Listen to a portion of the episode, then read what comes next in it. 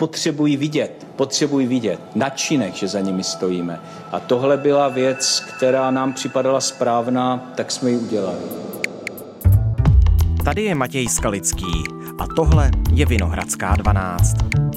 The prime ministers from Poland, the Czech Republic and Slovenia are on their way to Kyiv mit dem Zug. Eine gefährliche Reise mit starker Symbolik. Am Abend dann das Treffen mit dem ukrainischen Präsidenten Volodymyr Zelensky. This is a remarkable remarkable statement of solidarity. Лідери своїх прекрасних незалежних європейських держав вони нічого не бояться. Vlakem do válečné zóny.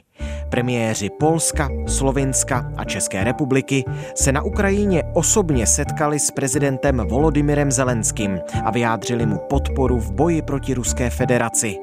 Mise Kijev zaujala všechna přední světová média. Udělala z předsedy vlády Petra Fialy z ODS státníka evropského formátu? Zamýšlí se zahraničně politický analytik Českého rozhlasu Filip Nerat. Dnes je čtvrtek, 17. března. Hi, nice to meet you. You're welcome. Ahoj Filipe. Ahoj, dobrý den. Janča, Moravěcky a Fiala. Tři evropští premiéři, kteří se vydali společně do Kijeva. Co to je za skupinku? To jsou premiéři tří unijních zemí, do kterých by to možná ještě před pár měsíci nikdo eh, nedal, že budou tak oslavováni a že se stanou, jak to líčil evropský tisk, tím nejlepším z Evropy. Jsou to představitelé států, kteří se jasně vyslovují pro podporu Ukrajině a tato jejich cesta demonstruje to, že oni nechtějí vyjadřovat podporu Ukrajině jenom ze své metropole nebo z Bruselu, ale chtěli podporu demonstrovat osobně na místě a ukázat tak, že jsou skutečně za Ukrajinou a asi ten nejlepší způsob, jak to demonstrovat, bylo přijet tam v tuto situaci, kdy to bylo obrovsky nebezpečné. Ruská armáda dnes ostřelovala vysokopodlažní obytné domy na kijevských sídlištích a tlaková vlna poškodila vchod do jedné ze stanic kijevského metra. V Kijevě začal platit zákaz vycházení, hrozilo bombardování Kijeva a oni se tam přesto vydali. Takže jsou to představitelé států, pro které je ta Ukrajina velmi důležitá, kteří um, se zasazují asi nejvíce a nejhlasitěji o to, aby Ukrajině Evropská unie co nejrychleji otevřela své dveře, aby co nejrychleji zahájila ty přístupové rozhovory, o které Ukrajina na konci února požádala, nebo o udělení toho kandidátského statusu, na jehož základě pak eh, mohou odstartovat ty přístupové rozhovory. Takže tyto tři země se o to eh, zasazují asi ze všech nejvíc, spolu s pobaltskými, to je nutno dodat. A jelikož eh, na tom nepanuje v Evropské unii jednota, tak teď eh, se pokusili demonstrovat eh, svou podporu Ukrajině tímto způsobem, tedy že se jejich nejvyšší vládní představitelé osobně vydali do Kyjeva.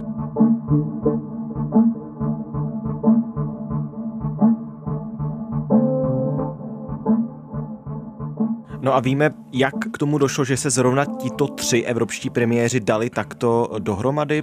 Já bych řekl, že to vychází z historických zkušeností těch zemí. Všechno jsou to takzvané nové členské země, které tam přistoupily později, které mají velmi dlouhou a bolestnou zkušenost s komunistickým režimem, s Moskvou a že i to hraje v rozhodování těch zemí svou roli.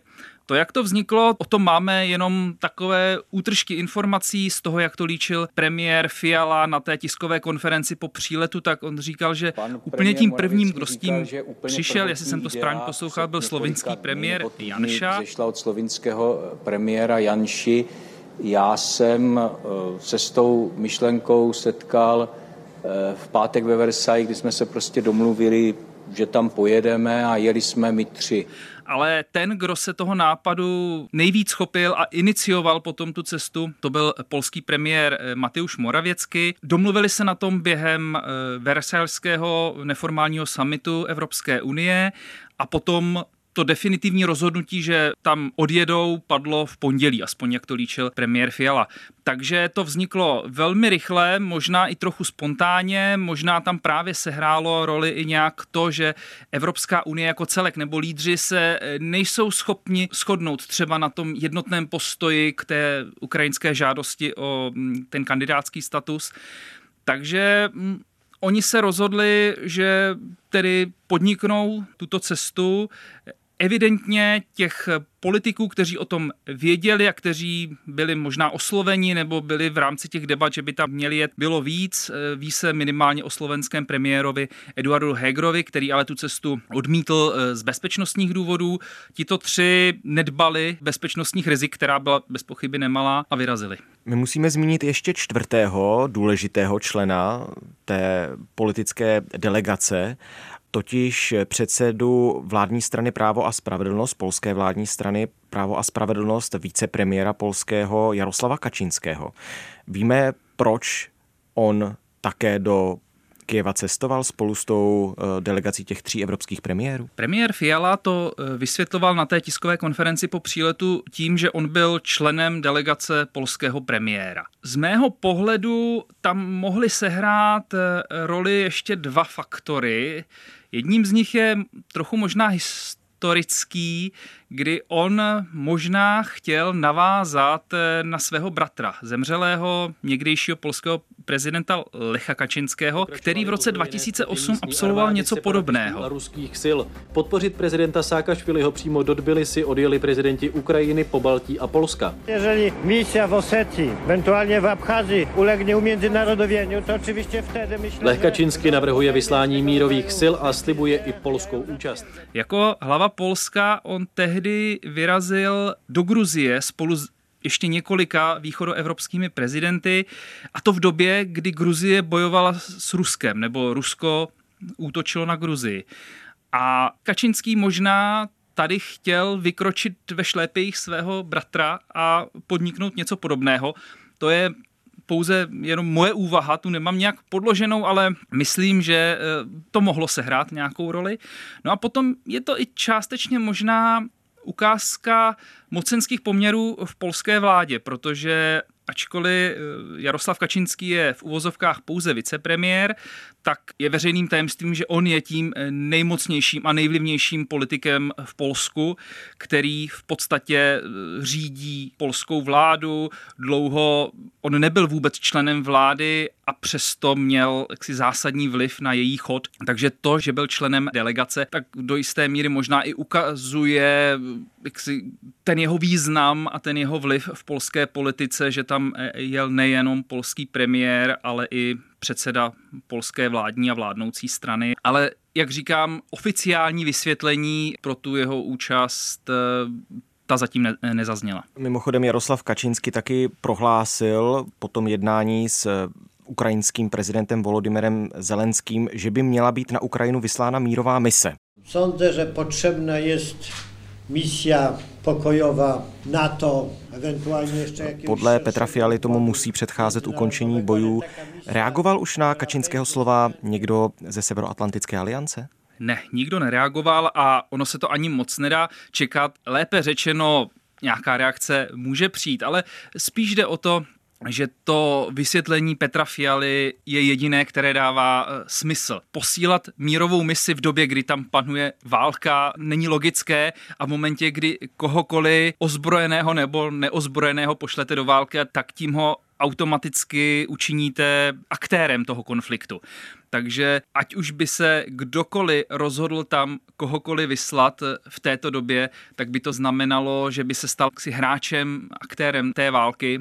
A nutno říct, že ať už na to, tak Evropská unie nebo minimálně eh, jaksi velcí členové se vůči tomu konfliktu chovají velmi opatrně a nechtějí dát Rusku jakoukoliv záminku k nějaké další eskalaci. Nemluvě o jaksi, útoku na eh, některou ze členských zemí, takže oni přistupují velmi opatrně nejenom k vysílání lidí, ale i třeba k vysílání té vojenské techniky pro Ukrajinu a podobně. Takže si neumím představit, že v této fázi by někdo, ať už na to v Evropské unii, o vyslání nějaké mise na Ukrajinu uvažoval. Samozřejmě v momentě, kdy by se tam podařilo uzavřít příměří nebo i mír, tak je logické a děje se to podstatě skoro vždy při takovýchto konfliktech, nebo velmi často, že tam přijde nějaká mezinárodní mise, která buď dohlíží na dodržování toho příměří, případně míru, nebo na plnění podmínek těch dohod. Takže v takovém případě by to dávalo smysl, a dá se očekávat, že pokud tam dojde k příměří nebo zastavení těch bojů, že něco takového může nastat, ale v tuto chvíli vyslání jakékoliv mise do Ukrajiny může ten konflikt pouze přiživit.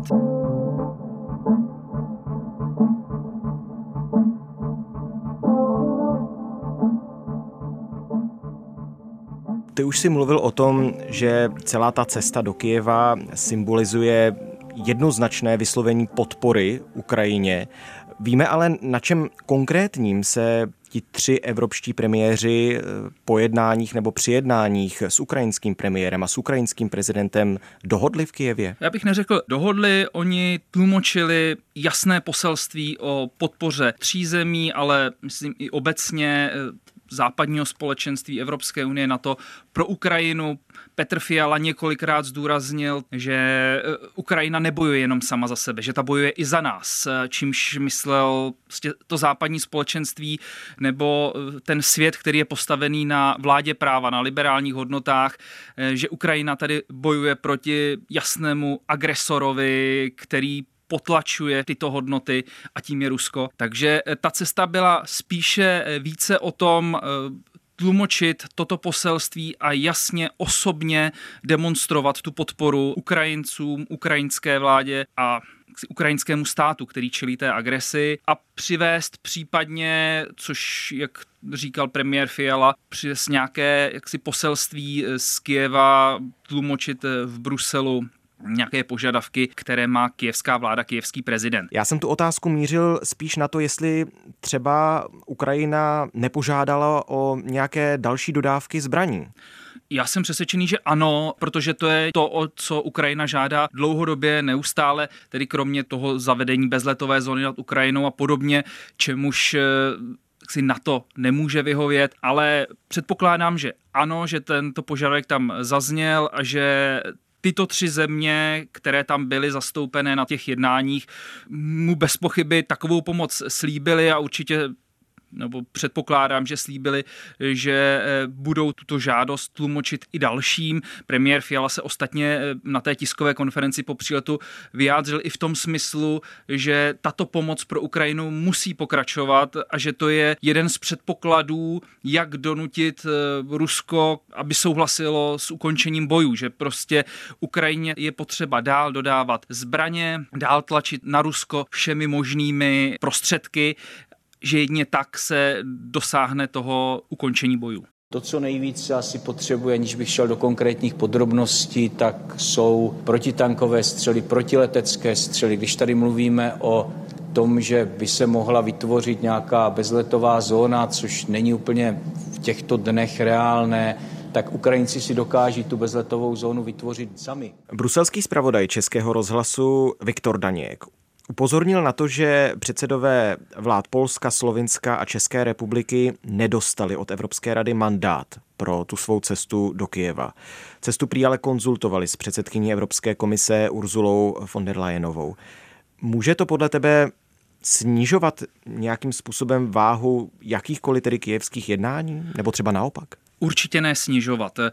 Ano, oni tam nejeli jako představitelé Evropské unie. On to premiér Fiala, eh, když eh, to poprvé oznámil na Twitteru, tak to možná trochu nešťastně formuloval, že tam jedou jako představitelé Evropské rady, jak tam napsal, což samozřejmě oni všichni tři jsou členové Evropské rady, ale nejsou jejími představiteli. Takže to možná vzbudilo trochu falešný dojem, že tam jede jako zástupce celé té unijní 27 lídrů což oni nebyli. Eh, on to potom i vysvětloval, že tam jeli opravdu jenom oni tři za sebe. Ovšem to nic eh, nesnižuje na významu té akce. Naopak eh, ta cesta byla a už jsem to tu říkal několikrát, jasnou demonstrací podpory Ukrajině a i tak to byla vnímána, sklidila velmi pozitivní odezvu v zahraničí. Myslím, že renomé účastníků té akce mezinárodní tím výrazně vzrostlo a to, že si neměli na to nějaký papír od Evropské unie, asi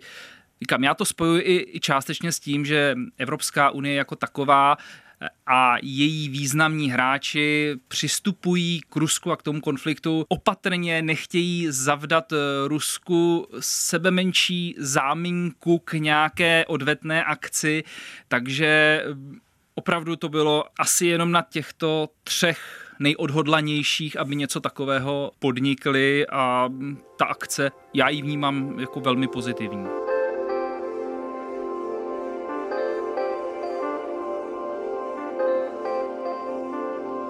Já se nemůžu nezeptat, jak velkou odvahu musí politik mít, aby se tedy uprostřed válečného konfliktu rozhodl vyrazit vlakem do z části obléhaného města.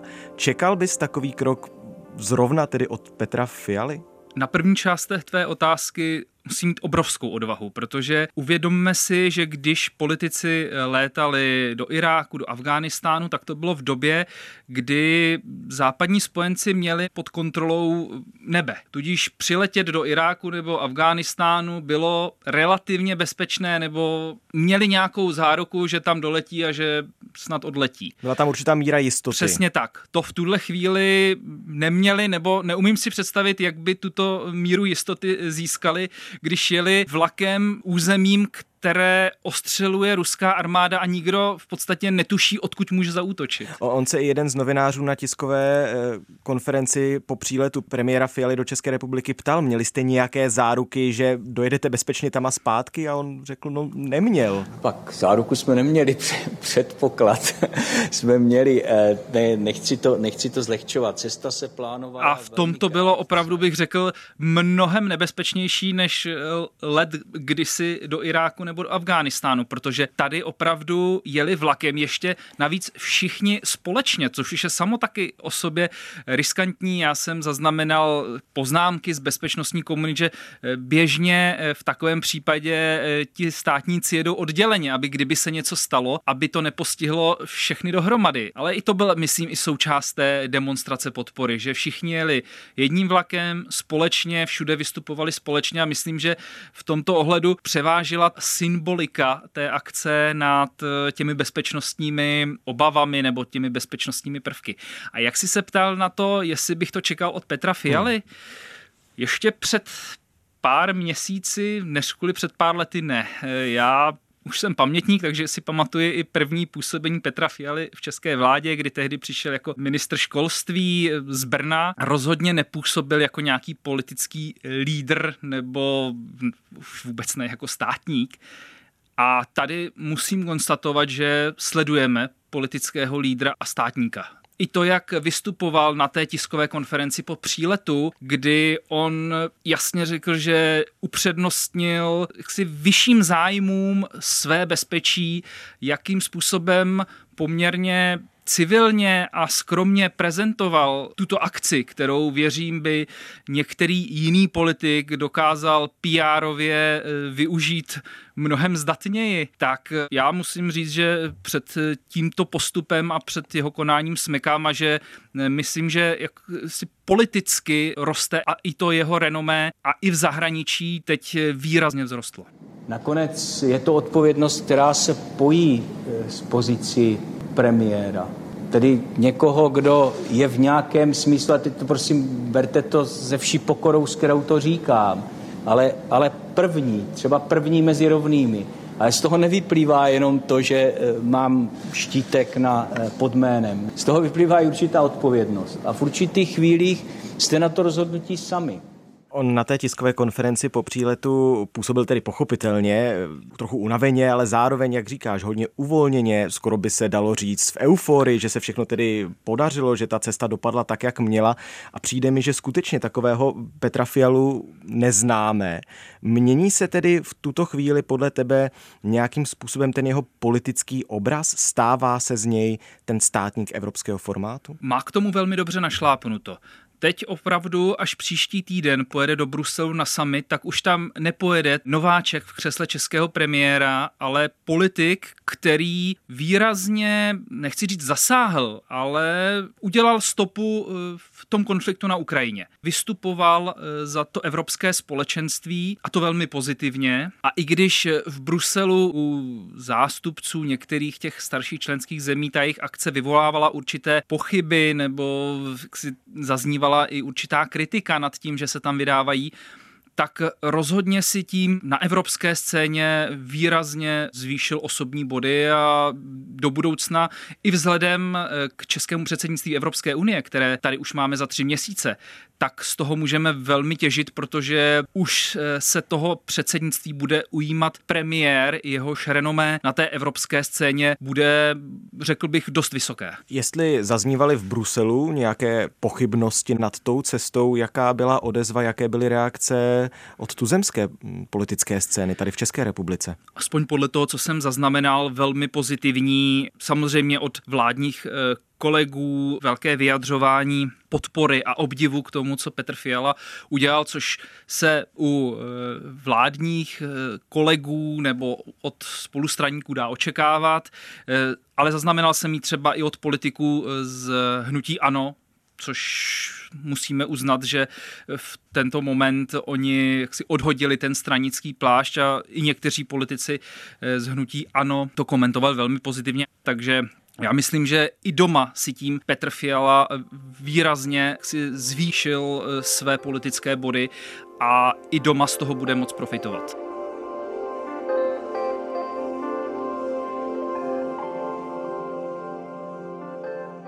Ty už si to zmiňoval eh, před několika minutami, že slovenskému premiérovi tajné služby z bezpečnostního hlediska nedoporučovali tu cestu, ale mluvilo se o něm, že by on mohl s těmi třemi evropskými premiéry do toho Kieva jet také. Když to vztáhneme na Petra Fialu jako premiéra České republiky. Bylo to podle tebe i s ohledem na to silné gesto, na to vyjádření té podpory, o které si teď tady mluvil a o které mluvíš jako o skutečně výrazném zásahu premiéra České republiky do toho dění, eh, které se týká války na Ukrajině. Bylo to podle tebe skutečně a priori moudré rozhodnutí vzhledem k tomu, co se na té Ukrajině děje? Myslíš si, že třeba i bezpečnostní složky Česka mohly premiéra Fialu od té cesty odrazovat? Protože on na tiskové konferenci po návratu do České republiky o tom úplně mluvit nechtěl, jenom řekl, tak přeci jenom bylo to mé rozhodnutí ve finále. Z toho, co jsem četl mezi řádky, z toho, jak to popisoval, tak jsem pochopil, že i české bezpečnostní eh, složky mu to velmi rozmlouvaly a asi ho od toho odrazovali. A to, jak on to komentoval, eh, prostě pochopil jsem tak, že on řekl, ne, tentokrát já vás neposlechnu a já chci jet. A už jsem to tu zmiňoval, no, on v tomto se projevil jako státník, že povýšil ten evropský zájem a český zájem, můžeme i říct, nad vlastní bezpečnost. A v tom právě vidím to, že on už dorůstá do té pozice toho státníka. O cestě do Kijeva informovala světová média na svých předních stránkách, v hlavních relacích, BBC, bylo to na titulních stránkách webu prestižních novin, jako britský The Guardian, americké The New York Times, americká CNN o cestě tří evropských premiérů na Ukrajinu informovala v kontinuálním vysílání od středečního rána.